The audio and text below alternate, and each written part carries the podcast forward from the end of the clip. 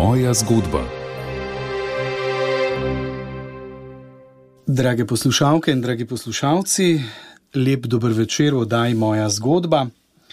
Danes je z nami, lahko bi rekli, kronist, nekdanji novinar, pisatelj, publicist in urednik Tone Jakše, ki je avtor osmih knjig, pred kratkim pa smo dobili v roke njegovo zadnjo knjigo Okus po pelinu, novinarstvo z dolensko dušo.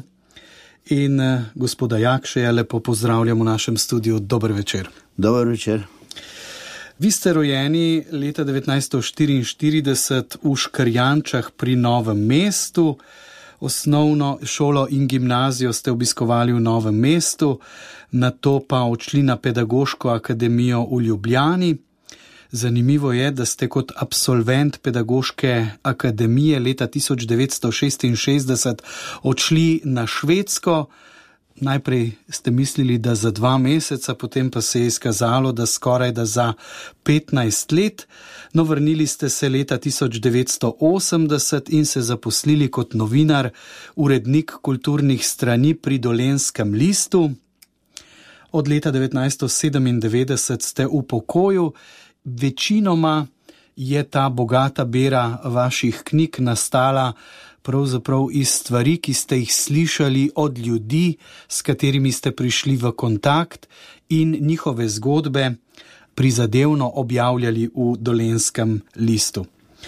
Gospod Tone Jakše, mogoče če začneva kar z vašo zgodbo, kaj se je zgodilo takrat leta 1966, da ste odšli na Švedsko in se potem tam kar za nekaj let ustalili? To, da sem odšel na Švedsko, to je bil zgolj slučaj. V tistem času so imeli študentje izmenjavo, iz tujine so prihajali k nam na delo tuji študenti, mi pa smo odhajali na delo, v glavnem v Evropo, najraje pa še v Anglijo, zaradi tega, da bi se naučili angliškega jezika.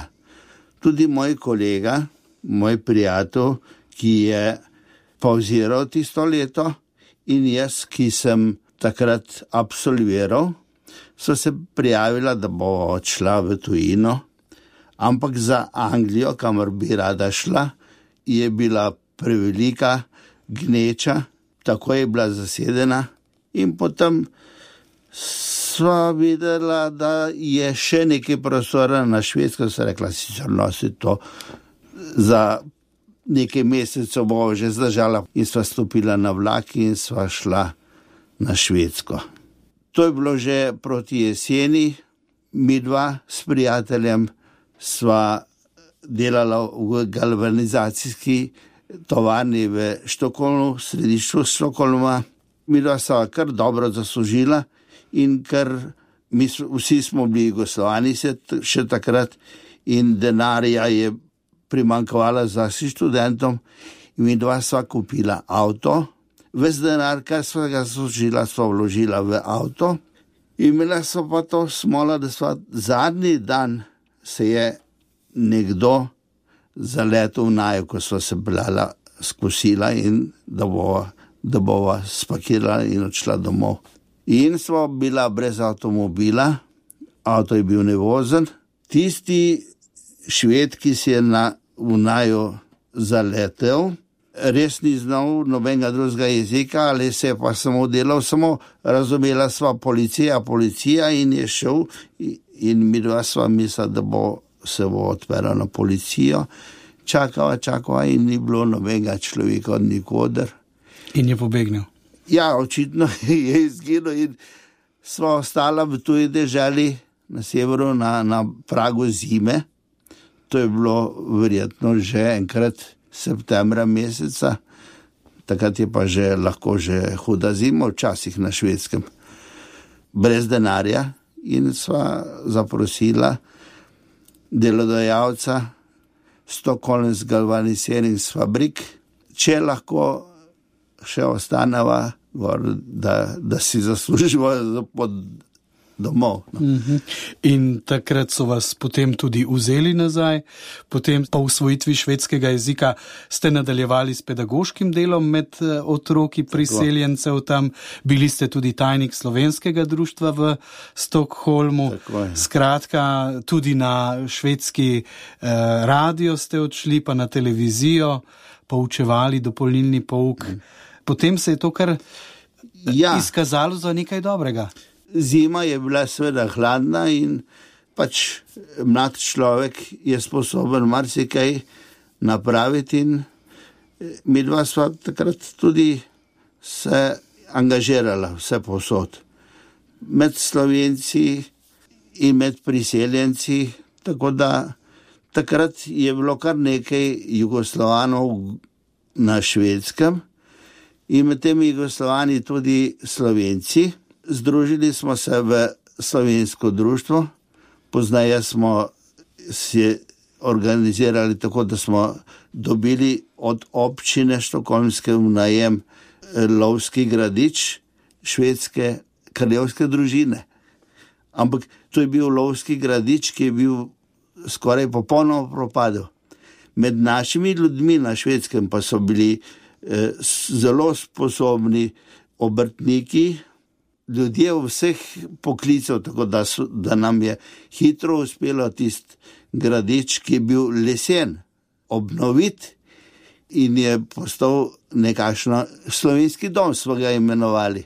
Takrat smo imeli razno zabave in veselice in proslave in tečaje slovenskega jezika za za mešane zakone in tako naprej. Tako, da je bilo kar zanimivo življenje. Knjižico smo imeli svojo tam, časopise slovenske, potem smo se pa predstavili tudi na radiju, na televiziji smo, je bilo več filmov o Sloveniji, tako da, da so lahko tudi naši švedski prijatelji spoznali, kaj je Slovenija in tako naprej. Kaj pa se je zgodilo potem leta 1980, da ste pa rekli, zdaj pa dovolj, zdaj pa treba oditi nazaj in se udejstvovati še v domovini?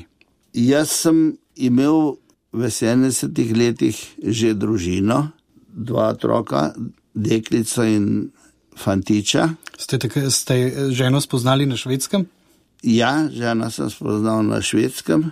Je bila švedinja polskega rodu tako da, da smo govorili doma angliško in švedsko in polsko in vse te jezike obvladajo tudi otroci, tako da ni bil problem. No, in 80 let sem eh, planiral, da se bom preselil, zato ker je bilo najbolj, najbolj ugodno.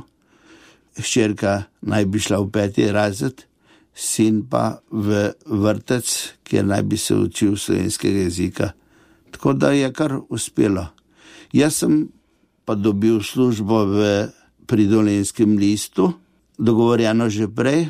Ravno tako je bila tudi dogovorjena služba za ženo, ki sem jo naučil slovensko, tudi in je, do, je dobila službo na Ljubljanski banki.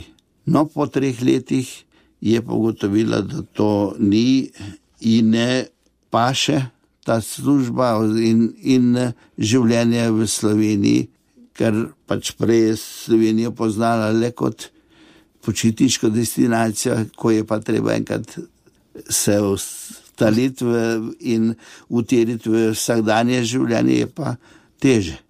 In je odšla nazaj, in otroka sta ostala pri meni, in poznaje sta pa odšla tudi na Švedsko, kjer zdaj živita s svojimi družinami. Ščerka v južni, na južni švedski, sin pa v Štokholmu. Zelo zanimiva življenjska zgodba. No, vi ste pravzaprav polni zanimivih življenjskih zgodb, zato smo vas tudi poklicali v oddajo Moja zgodba, zato ker pravzaprav o zgodbah ljudi, ki ste jih spoznali na Dolenskem, torej v krajih, kjer ste bili sami rojeni, tudi obilno pišete, pisali ste za uh, Dolenski list uh, in bera iz izseljenskega časa in dela v domovini je osem knjig, okus po pelinu pa tista zaradi katere smo vas eh, poklicali v našo oddajo, pravite novinarstvo z dolensko dušo. Zakaj tak podnaslov? Zato, ker sem v tej knjižici poskušal zbrati srč vsega mojega novinarskega dela predtem. To predstavlja ljudi in pa njihove zgodbe in pa življenje na Dolenskem, ki si mi je predstavljalo skozi pripovedovanje teh ljudi čisto drugače, kot pa sem si ga predstavljal prej. Že Nomeška gimnazija mi je dala slutiti, da je bilo še nekaj več, kot pa nam je bilo podano. Tudi vasica, iz katere sem izhajal, v bližini novega mesta, tam so, je bilo veliko vdov, večina ljudi je izginila med vojno. In ljudje so se bali govoriti o tem. No, in na švedskem sem pa med ljudmi, našimi ljudmi, iz katerih je bruhnila svoboda razmišljanja in govora, sem marsikaj izvedel. Slučajno, ni pa zaprav, jaz se nisem sam zanimal za te stvari, oziroma sem imel veliko drugega. No, ampak človek, s katerim sem prijateljeval na švedskem, je bil v teharjih. In slučajno je imel to srečo, ker je bil tako mlad, da ga niso ubili. Vse takrat, v tistem času, je bilo mnogo življenj šlo brez krivde in brez, brez smisla.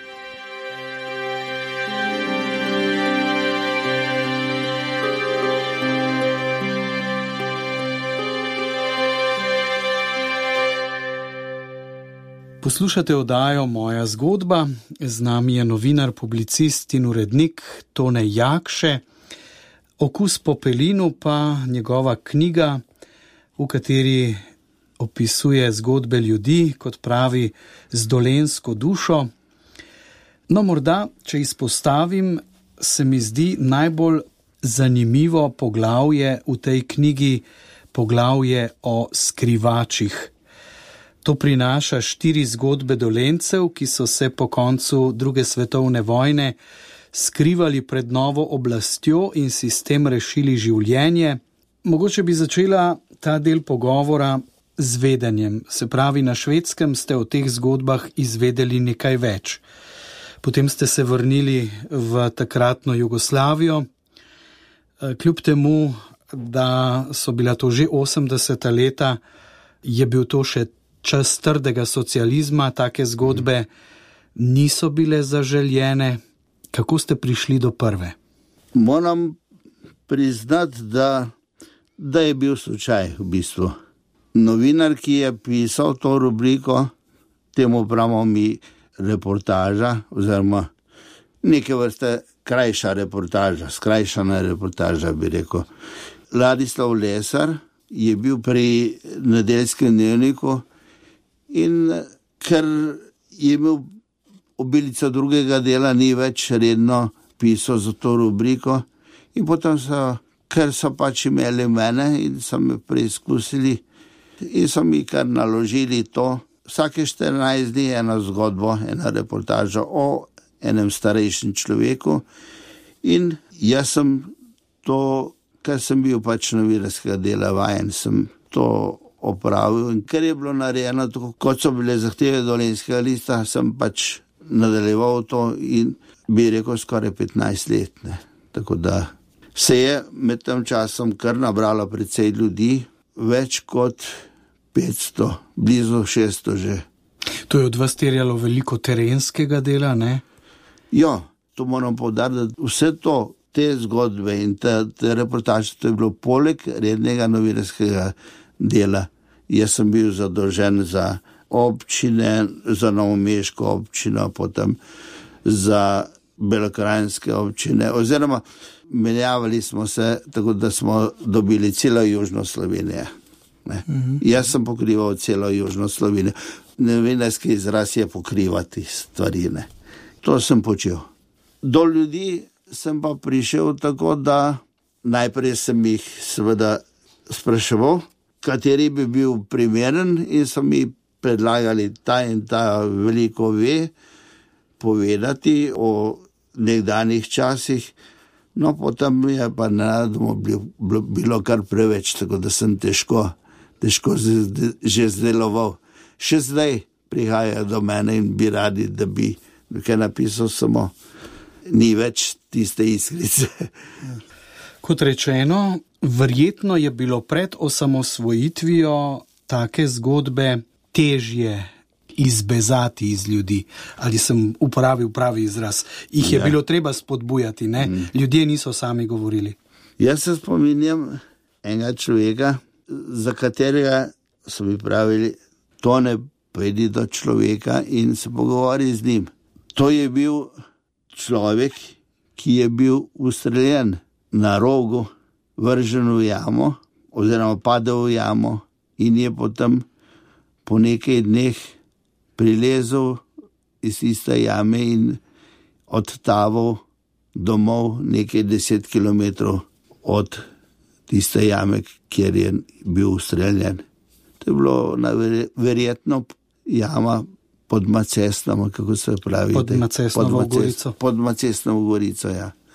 No, tako domnevam. Skratka, če se vrnemo pred osamosvojitvijo, ljudje o tem niso govorili radi jih je bilo treba spodbuditi. Mm. Ko smo se nekako dobila za to oddajo, ste mi poslali nek intervju, ki ste ga upravili z um, mobilizirancem v nemško vojsko, če se ne motim. In ta intervju je dolg 4 ure, 4 mm. ure materijala, kar pomeni, da ste pravzaprav iz njega na nek način kot spinceto izbirali neke podatke, da jih, je, da jih je bil pripravljen povedati. Ljudje so v bistvu radi pripovedovali stvari. Ljudje so mi zaupali, zato se ni bilo problem z njimi pogovarjati. So me pa večkrat prosili, teh stvari pa ni treba objaviti v časopisu, jaz jih bom povedal, sicer, ampak za tvojo vednost, in nisem jih razočaral, in nikoli ni bilo nobenega pripombe na, na objave moje, oziroma na to, kar sem napisal. Sem pa slišal marsikaj, marsikaj sem slišal, žal je tisti računalnik, ki ga nosimo v glavi, prešibak, da bi se skupaj zadržal. Tako da ostane, ostane le nekakšna splošna slika, ki si jo človek oblikuje ob teh pogovorih. No, ampak ta splošna slika nikakor ni bila taka, kot je bilo takrat pred osamosvojitvijo zaznati v družbi ali pa v politiki. Vsekakor, no. Marsikaj, kar so mi ljudje povedali, in marsikaj, kar sem slutil, da bi lahko o njih povedal, sem zapisal. Ampak to je, to je raztreseno v vseh teh, vseh teh knjigah. Zato pa sem izdal to knjižico Okus po pelinu, ki nekako združuje vse skupaj, kar so mi ti ljudje povedali. Najbolj značilne zgodbe sem, sem pa objavil v njih. No. Tako da je, da je stvar lažje dostopna. Rekel sem, da se mi zdi posebej zanimivo poglavje s krivačem na pot, ki prinaša štiri zgodbe dolencev, ki so se po koncu vojne skrivali pred novo oblastjo in si s tem brščas rešili življenje. V vseh teh vaših zgodbah zapisanih nekako lahko začutimo, kako težko je bilo med in takoj po koncu druge svetovne vojne kako težko so ljudje doživljali ta čas in da leta 1945, ko je bilo vojne formalno konec, ni bilo osvoboditve. Mm. No, še to bi povedal, da, da vse te zgodbe eh, o naših skrivačih niso nekaj novega. To je nekako v slovenskem narodu že, že iz, eh, od srednjega veka naprej je že ta preživetveni nagon in pa tudi poznavanje, kako ravnati, da boš preživel in bo sovrak ostal z dolgim nosom. Njegov naklep ne, ne bo uresničen. No, in izkazalo se je, da se je po koncu vojne kot sovrak iz, izkazal naš lastni človek, da je počel stvari take, ki jih skoraj niti najhujši sovražnik ne bi počel. To je tako nerazumljivo za vsakega tujca in našega človeka. Ne. Tako da to, kar se je zgodilo, to bodo morali moral, eh, še ugotoviti, kako je to možno.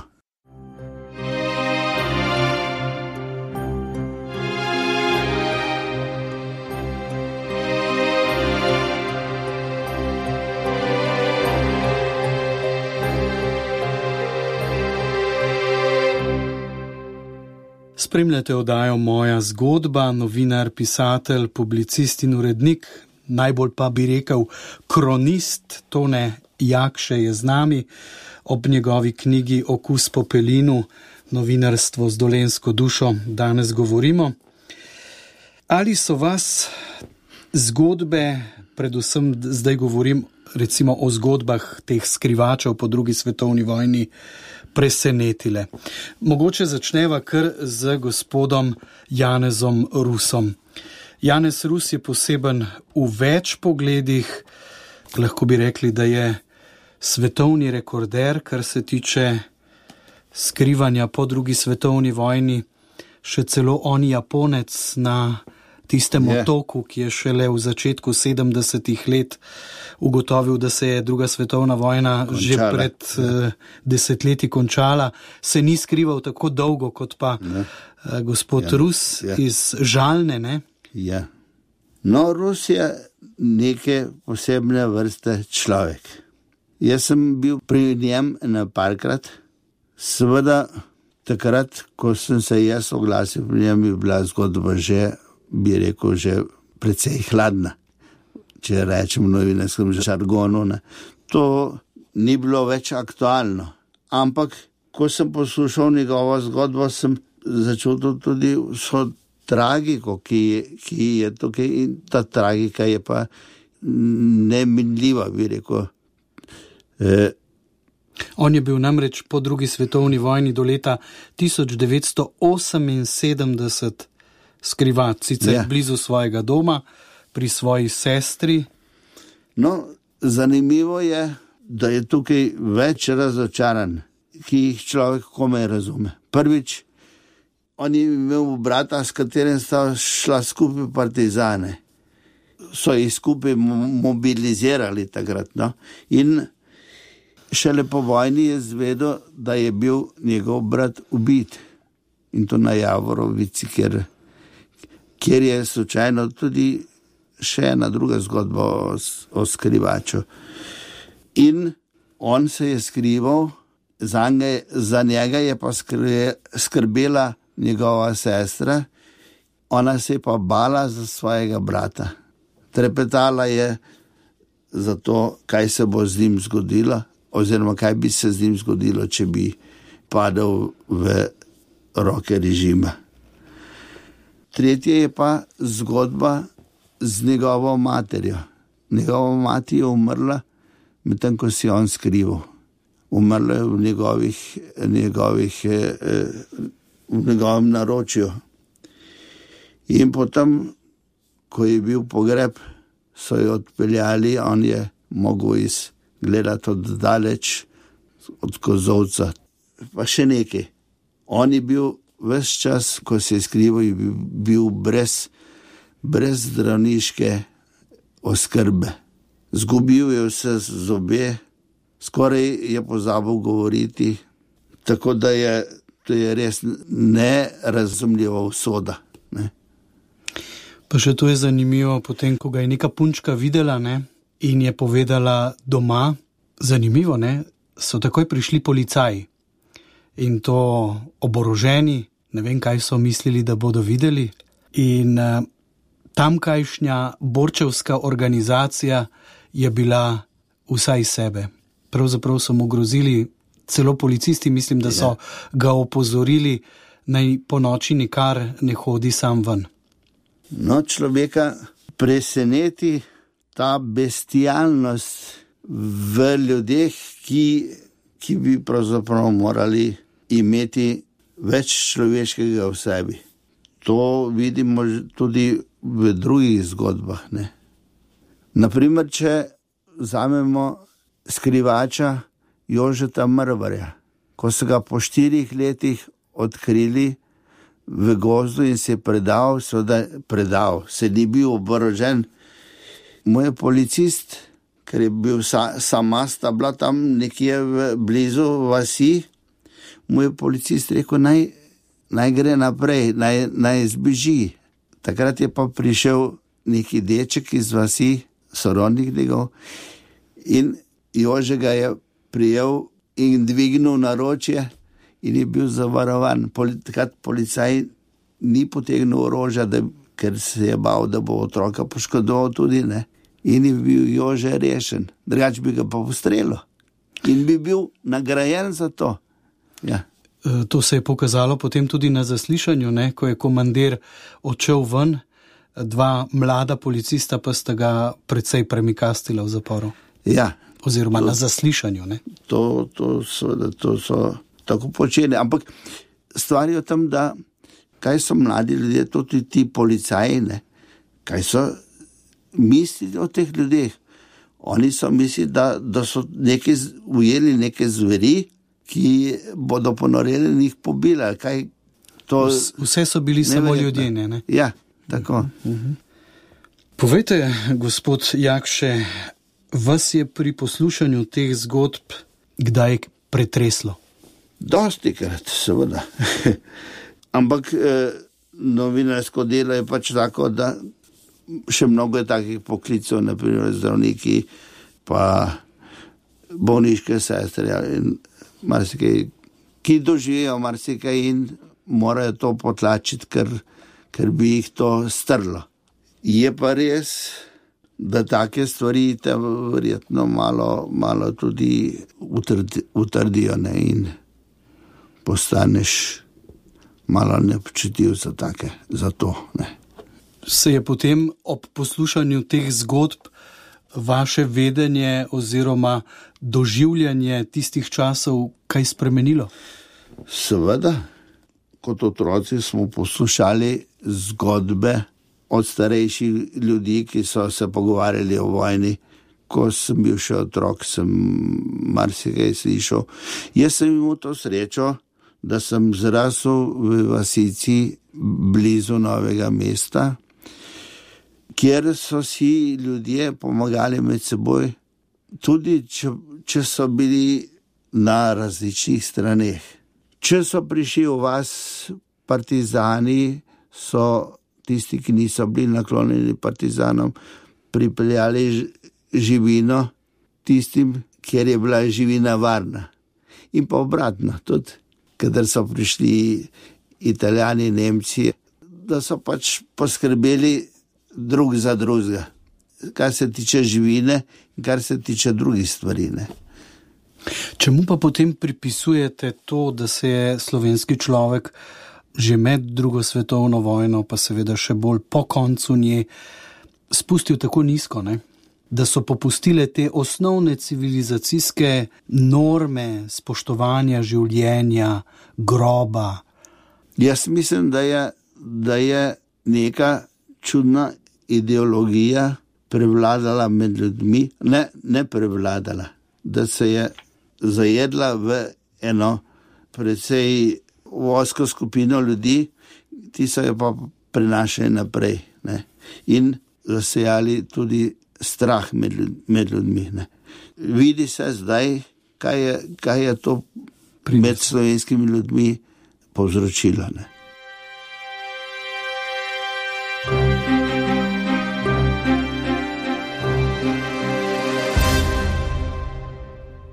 Z vami oddaja moja zgodba.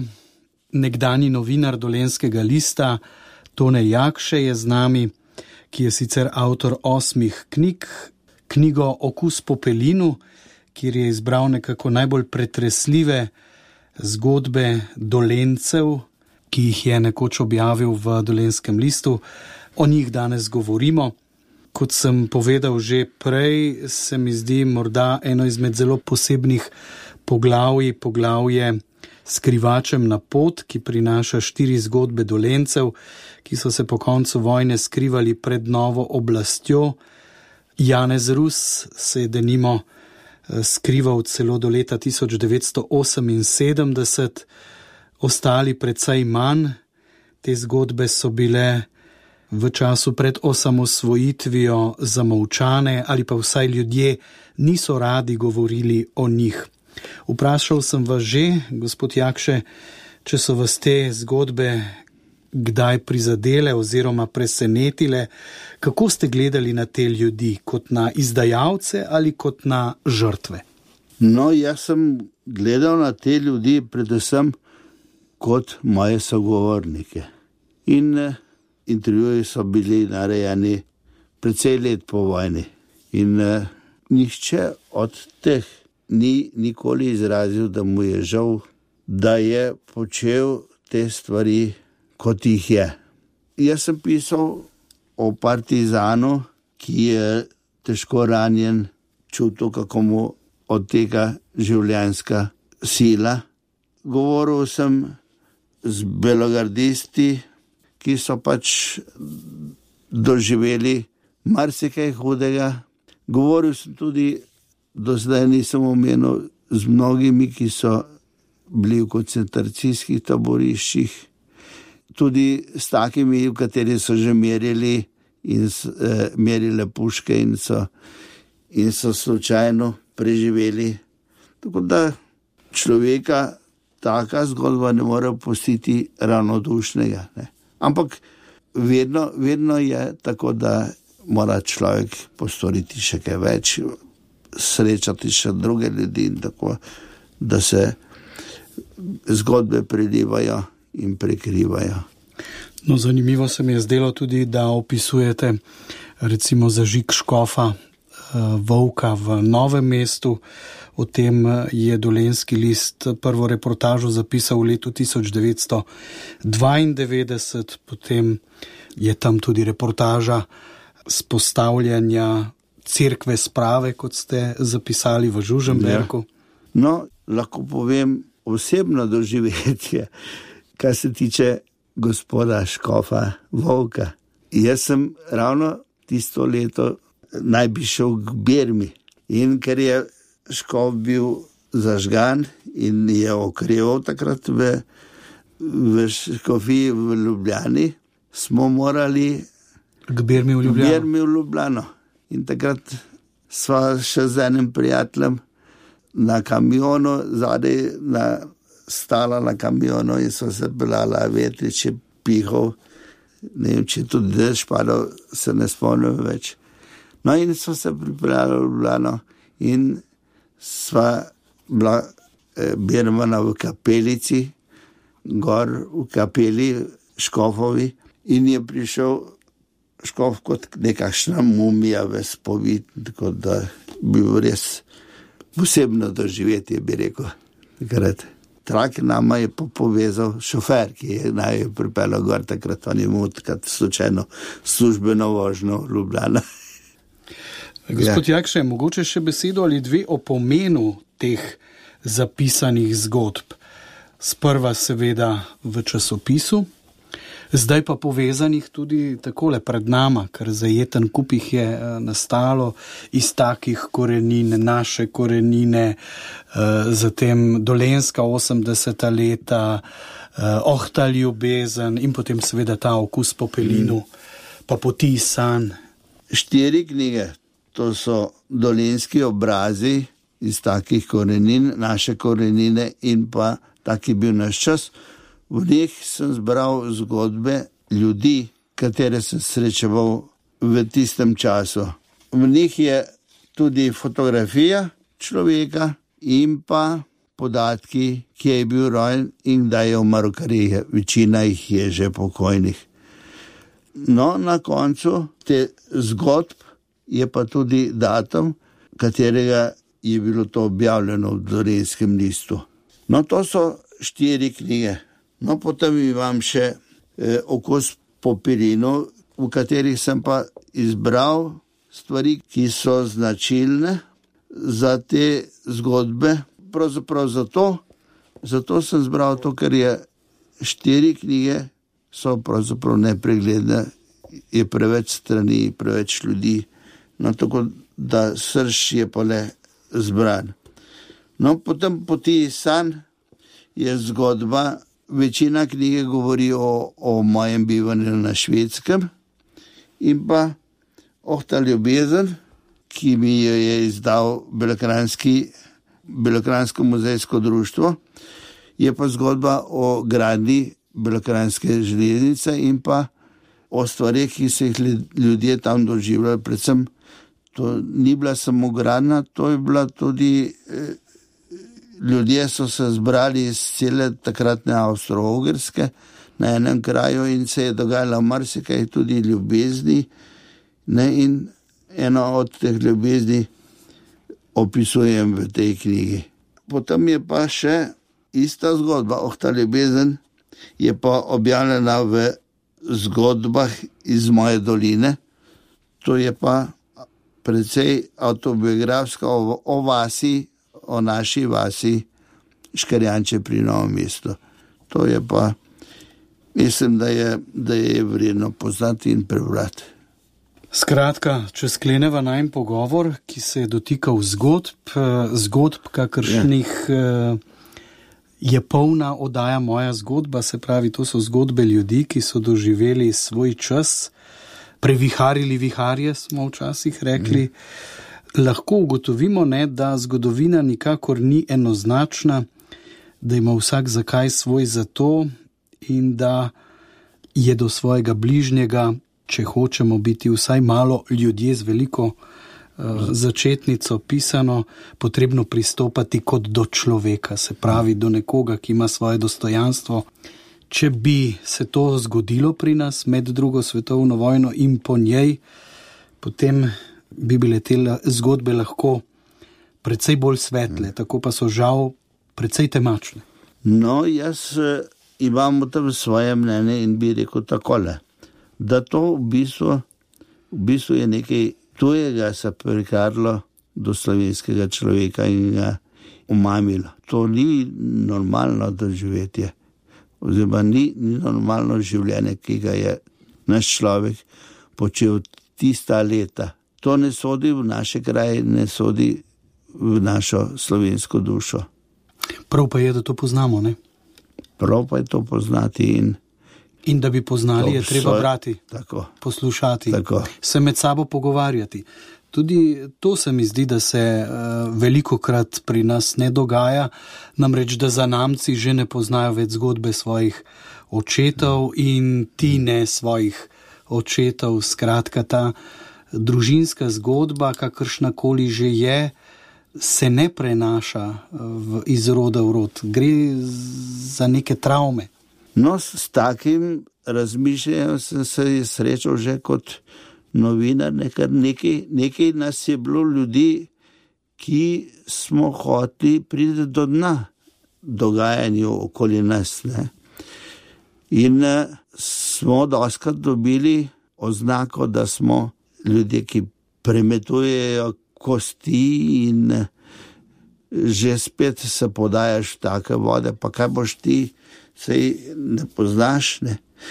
Zlasti pa, ker sem jaz sem prišel mogoče se je ta širina name razširila v času, ko sem bil na švedskem, ko so bile stvari dokaj svobodne. Ne? In ko sem, ko sem prišel v Slovenijo, pač so bile malo nerazumljive stvari za nekatere. Ne? Kaj boš ti, ki si prišel iz grilga kapitalizma? ne poznaš samo upravljanja, ne poznaš to, to je vendar, vendar bodočnost človeštva. No, jaz pa nisem bil ravno pripričan v to.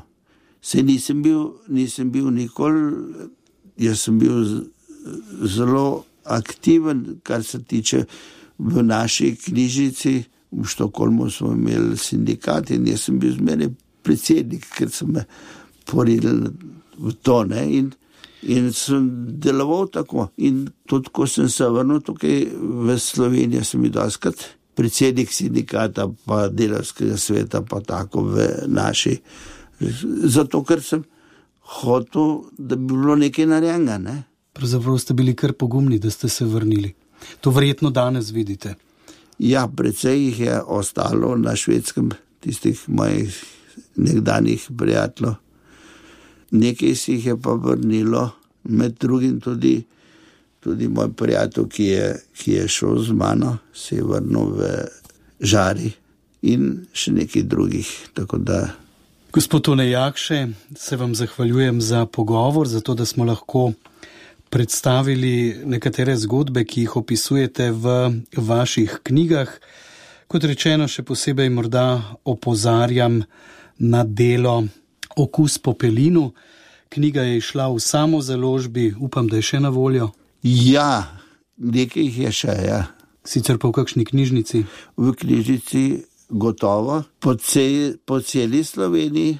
No, knjiga je šla v ja. novem mestu v letu 2016, skratka, vabljeni k branju. Še enkrat pa hvala lepa za obisk v našem studiu in vse dobro. Hvala lepa.